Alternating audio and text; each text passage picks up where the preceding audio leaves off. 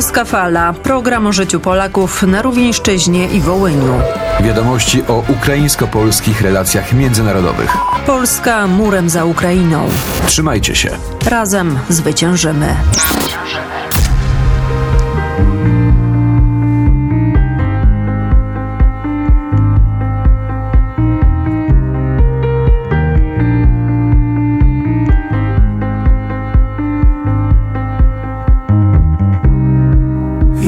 czasu jeszcze mam? Staram się myśleć, że będzie dobrze, ale w głowie bez przerwy mam zimną wojnę. Ile czasu jeszcze mam?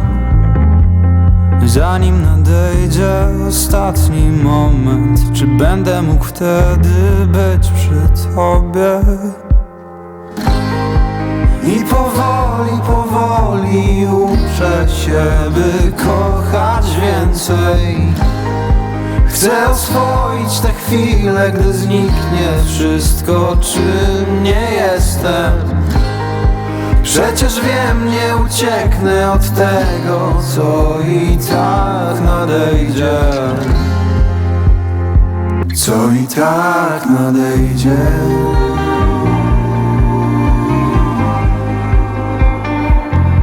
I tak nadejdzie.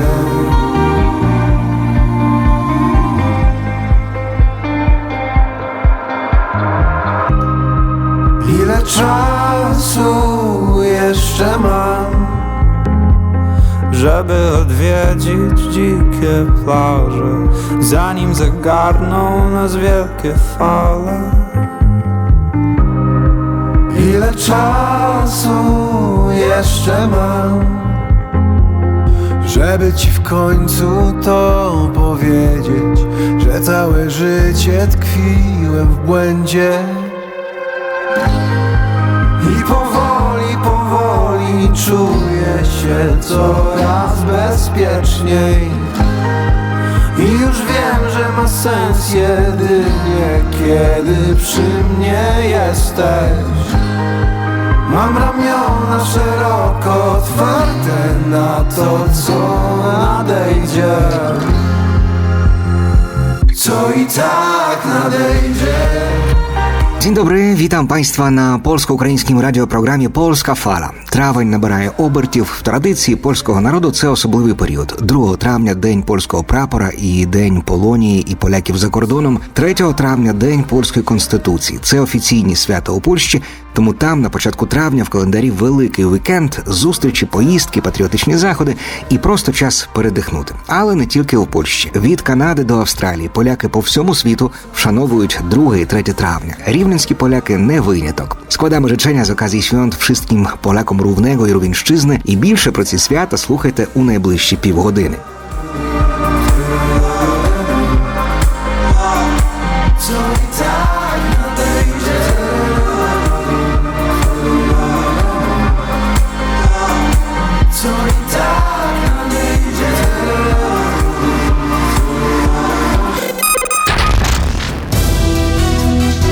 Polska Fala. Czas na wiadomości. Witamy na Polskiej Fali, programie o Polakach, relacjach polsko-українських oraz o historii і культурі Польській. Але продовжимо оглядом головних подій тижня, які пов'язані з Польщею та Україною. Polska Fala. Драматичний випадок на кордоні. Польські прикордонники врятували однорічного хлопчика з України. Екстраординарна подія трапилася на переході з осін у Стелух. На камерах спостереження видно, як мама із дитиною на руках підбігає до чекпоінта на кордоні, на якому прикордонники перевіряють документи. У жінки паніка, дитя не подає ознак життя. Пасажирка з українського автобусу кликала про допомогу. Дитину врятував сержант стражі гранічний Матеуш Кондрат. Взявши на руки дитя, він перевернув його і кілька разів плеснув по спині. Після реанімаційних заходів дитинка прийшла до тями. Пізніше на місце прибула швидка. Маму з дитиною госпіталізували до лікарні у Хрубєшові. Відео із камер спостереження і дії польського прикордонника опублікував портал Нова Польща. Під постом тисячі українців висловлюють вдячність польським прикордонникам за небайдужість і вміння допомагати допомогти у критичний момент. Wiadomości na polskiej fali. Польща допоможе розслідувати випадки геноциду в Україні. Національний прокурор Польщі Даріуш Барський підписав у Вільнюсі угоду, згідно з якою спільна слідча група із розслідування тяжких міжнародних злочинів в Україні розслідуватиме випадки геноциду, які можуть статися чи вже сталися у зв'язку із нападом Росії на Україну. В рамках польської прокуратури справу розслідує слідча група у складі прокурорів Мазовецького відділу боротьби з організованою злочинністю, а також працівники національної прокуратури у Варшаві і співробітники Агентства внутрішньої безпеки і поліції. Польське слідство у справі російської агресії проти України відкрито 28 лютого 2022 року. Dowiedz się więcej na polskiej fali. Українці у Польщі купили рекордну кількість квартир. За даними польського міністерства внутрішніх справ, українці придбали у минулому році 4275 квартир загальною площею у 335 тисяч квадратних метрів. Про це повідомляє портал Наша Польща. Експерти зазначають, що українці купують доволі скромні квартири, середня площа яких становить близько 50 квадратних метрів, і це менше ніж середня площа квартири, яку купують зазвичай іноземці у Польщі, в середньому 57 квадратів. Для порівняння німці, як фізичні особи, так і компанії, купили нерухомості у Польщі на загальну площу понад 80 тисяч квадратних метрів, а це майже в 4 рази менше ніж громадяни України. Polska fala. У Свіноусті на півночі тривають останні роботи і тести перед червневим відкриттям найдовшого підводного тунелю Польщі. Він з'єднуватиме острови Волін і Узнам. Будівництво тунелю завдовжки понад півтора кілометра обійшлося в більш ніж 900 мільйонів злотих. Poznaj Polskę wraz z nami. У Вроцлаві побили світовий гітарний рекорд 7967 гітаристів, які зібралися 1 травня на ринковій площі у Вроцлаві, зіграли разом пісню Джиммі Гендрікса «Hey Джо». Hey Joe, I saw you with the gun Таким чином було встановлено новий світовий рекорд у спільній грі на гітарі. Ми це зробили Вроцлав. Це місто гітари, сказав зі сцени ініціатор події Лешак Чіхонський. Спроба встановлення світового рекорду у спільній грі на гітарі відбулася у Вроцлаві у 21 раз. У цьому місці щороку збираються любителі гри на гітарі, аби зіграти разом із запрошеними музикантами пісню Джиммі Гендрікса «Hey Джо». Аби долучитися до цього флешмобу, достатньо мати гітару і знати 5 базових акордів, необхідних для пісні «Hey Джо». Mamy Dziewięć sześć siedem! Wrocław zrobiliśmy to! Кваліфікувалися до участі у флешмобі всі типи гітар: акустичні, класичні, електричні, бас-гітари. Також дозволялися мандоліни, банджо і укулеле. Цього року участь у заході взяв Стів Вей, Майкла Анджело Батіо, група Лорді та Басті Джексон. Також до Вроцлава завітали польські виконавці Каміль Беднарик і Мрозу. До речі, Мрозу ми зараз якраз і послухаємо. Трек Галактикос цього польського виконавця спеціально для вас на польській хвилі. Вже за кілька хвилин про те, як рівненські поляки вшановували День Полонії поляків за кордоном і День Конституції Польщі 3 травня.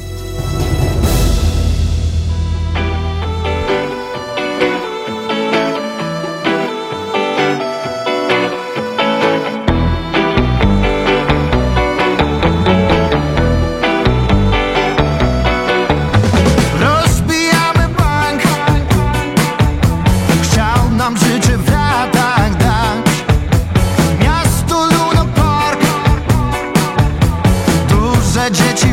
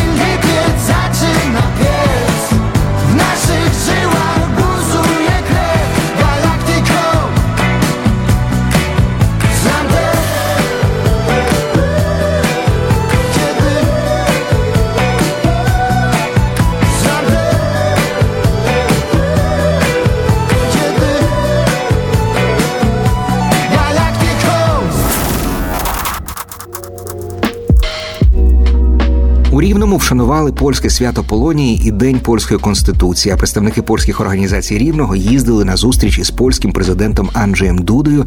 І далі, власне, про це вітаю, друзі. Це польська хвиля. Poznaj Polskę wraz z nami. У Рівному вшанували польське свято Полонії 3 травня. В обласній бібліотеці відбулася урочиста подія до Дня Конституції Польщі на спільний проект Рівненської обласної бібліотеки культурно-просвітницького центру імені Томаша Оскара Сосновського Рівненської міської ради завітало дуже багато гостей. Це історики, краєзнавці, музиканти, молодь, люди польського походження, також ті, хто просто цікавиться темою Польщі. Захід розпочався вітальним словом віце-консула Генерального консульства Республіки Польща у Луцьку Матеуша Маршалика. No, a pokazuje, e, jak Polsza e, starała się тоді а, реформувати з- е, йти до, до jakby e, pozbawić tej zależności od Rosji, w jakiej ona była e, в- вона була е, в 18 столітті. Ну і тепер е, Україна старається відкинути залежність від Росії. зазначив віце-консул Генерального консульства Республіки Польща у Луцьку Матеуш Маршалик. Були серед присутніх і священники Рівненської римокатолицької парафії, зокрема отець Прилад Владислав Чайка та отець Вальдемар Шляхта. Вони привітали присутніх із польським державним святом Конституції 3 травня. Важливість для польського народу ухвалення Конституції 3 травня у 1791 році розкрив присутнім рівненський історик Ігор Десятничук. Молодь декламувала вірші польською мовою, а також співала польських пісень. До участі у заході також долучилися й директор Рівненського обласного краєзнавчого музею Олександр Булига і голова культурно-просвітницького центру імені Томаша Оскара Сосновського пан Ярослав Ковальчук. Сьогодні е, під час війни ми бачимо, як Польща допомагає Україні. Зокрема, це і воєнна допомога, гуманітарна. Знаємо, скільки мільйонів наших людей прийняла держава Польща. І ми цей захід хочемо трішки в іншому такому ракурсі побудувати. Е, ну, захід приурочений і вдячності польському народу за те все, що він робить. Зазначив голова культурно-просвітницького центру імені Томаша Оскара Сосновського Ярослав Ковальчук. Tak jak zorze rozsiane po nocnym niebu, tak po całym świecie Polacy. Prawie 20 milionów Polaków mieszka poza granicami Polski, powiedział na spotkaniu z przedstawicielami Polonii i Polaków z zagranic kraju prezydent Rzeczypospolitej Andrzej Duda. Jego spotkanie z Polonią odbyło się 2 maja w Warszawie. Był tam i prezes Rubińskiego Towarzystwa Kultury Polskiej imienia Rejmonta, pan Władysław Bagiński. I jest on też teraz z nami. Panie Władysławie, proszę opowiedzieć, jakim było to spotkanie na Placu Belwederskim. Tam zebrało się środowisk polonijnych, no prawie z całego świata, z różnych krajów, w tym Polacy z Ukrainy. Jest to bardzo ważne ze względu na to, że ponad 20 milionów y, Polaków, naszych rodaków, mieszkają poza granicami Rzeczypospolitej Polskiej. I oni pamiętają o swojej ojczyźnie, o swoich korzeniach, ciągle pozostają z, z polską łączności. No i to y, bardzo dobrze, że z okazji tych świąt Dnia Polaków za granicą jest taka możliwość spotkać się z przedstawicielami innych organizacji polskich, polonijnych, porozmawiać, y, y, podzielić się swoim jakimś doświadczeniem, coś nowego dowiedzieć się.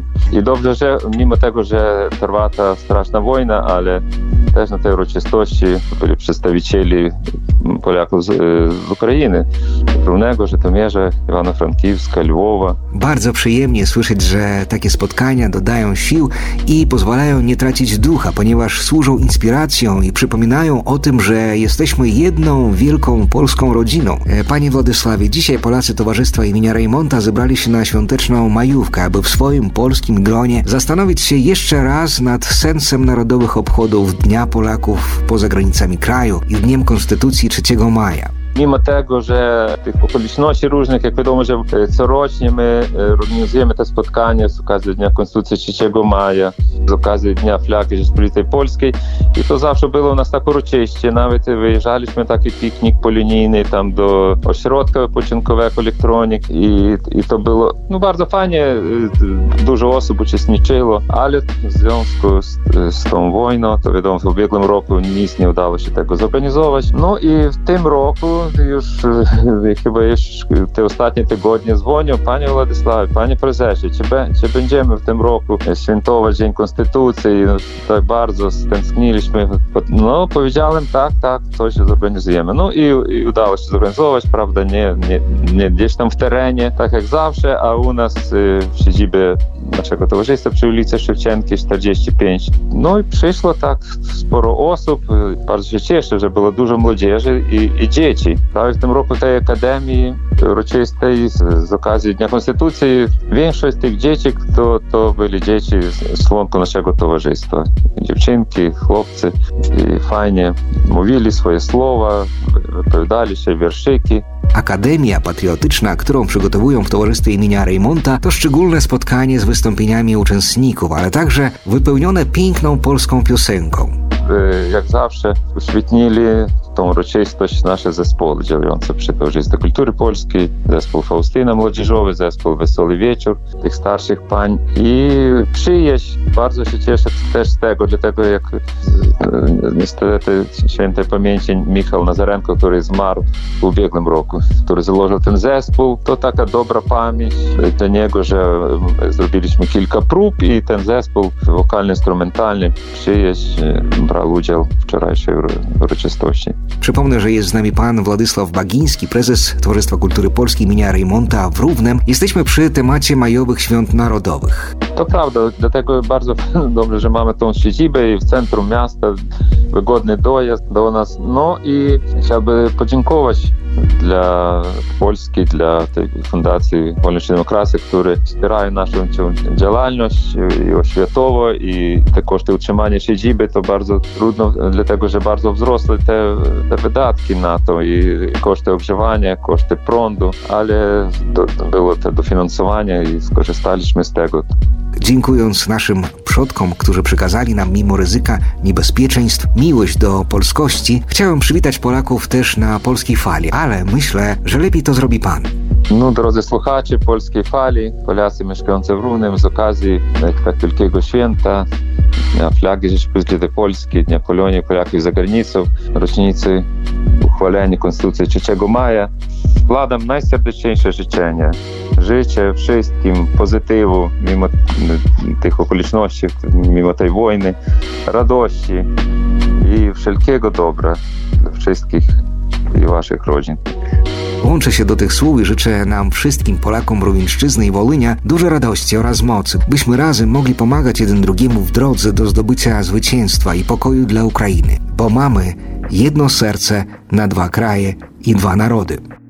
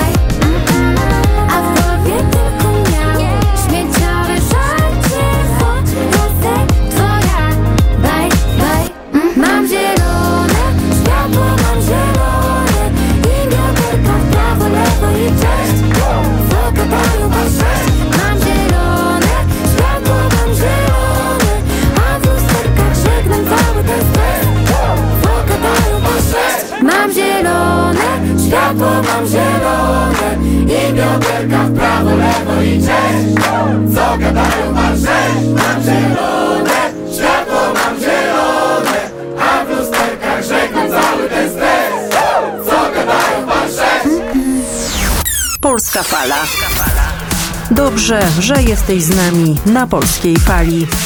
Polska Fala. Вітаю, друзі, на польській хвилі. Ми продовжуємо розповідь про 3 травня. Чому цей день настільки важливий для поляків, як річниця ухвалення першої у Європі другої у світі конституції, яку Сейм Речі Посполитої ухвалив 3 травня 1791 року. Історичні зарази присвячені головному святу поляків травня. Далі на польській фалі. Ухвалення цієї конституції шокувало Петербург і особисто Катерину II. Цариця Росії розпочала після цього війну проти Польщі, а згодом разом із Прусією та Австрією долучилася до розділу і окупації Речі Посполитої. Конституція, ухвалена 3 травня 1791 року, віками вселяла в поляків надію у гідне майбутнє у своїй державі і символізувала опозицію до російського панування, особливо під час розділів окупації Польщі. А це тривало, нагадаю, майже 300 років. Тому до листопада 1918 року, коли було проголошено відновлення польської держави, 3 травня святкували поляки підпільно, приватно і лише в костелах можна було почути молитви за польський народ і його державу. День конституції 3 травня був заборонений нацистами та радянською владою під час окупації Польщі під час Другої світової війни і після неї. Після Другої світової, коли поляки попали під комуністичний режим, він також цей день намагався витерти з історії у 1951 році. Свято 3 травня було офіційно заборонене комуністичною владою. Знову ж таки, для польських дисидентів і антикомуністичного спротиву це була головна дата, яка нагадувала про патріотизм і відновлення цілковитої самостійності. До 1989 року у Польщі цього дня часто відбувалися антиурядові та антикомуністичні протести і демонстрації. Після зміни політичної системи із квітня 1990 року День Конституції 3 травня є одним із найбільш урочисто святкованих польських свят, з чим поляків сьогодні і вітаємо. Частково, до речі, це також і свято українців, адже наш народ також свого часу входив до складу Речі Посполитої. Попри суперечки з поляками, нам теж дісталося від Росії і тої царської, і цієї теперішньої комуністичної, посткомуністичної. Тому теж зі святом можемо привітати і себе, надихаючись прикладом мудрих і мужніх справ наших предків. Niech żyje Polska, niech żyje Ukraina. Na цьому закінчуємо. Czekam na następnym programie Polskiej Fali już za tydzień w ten sam czas.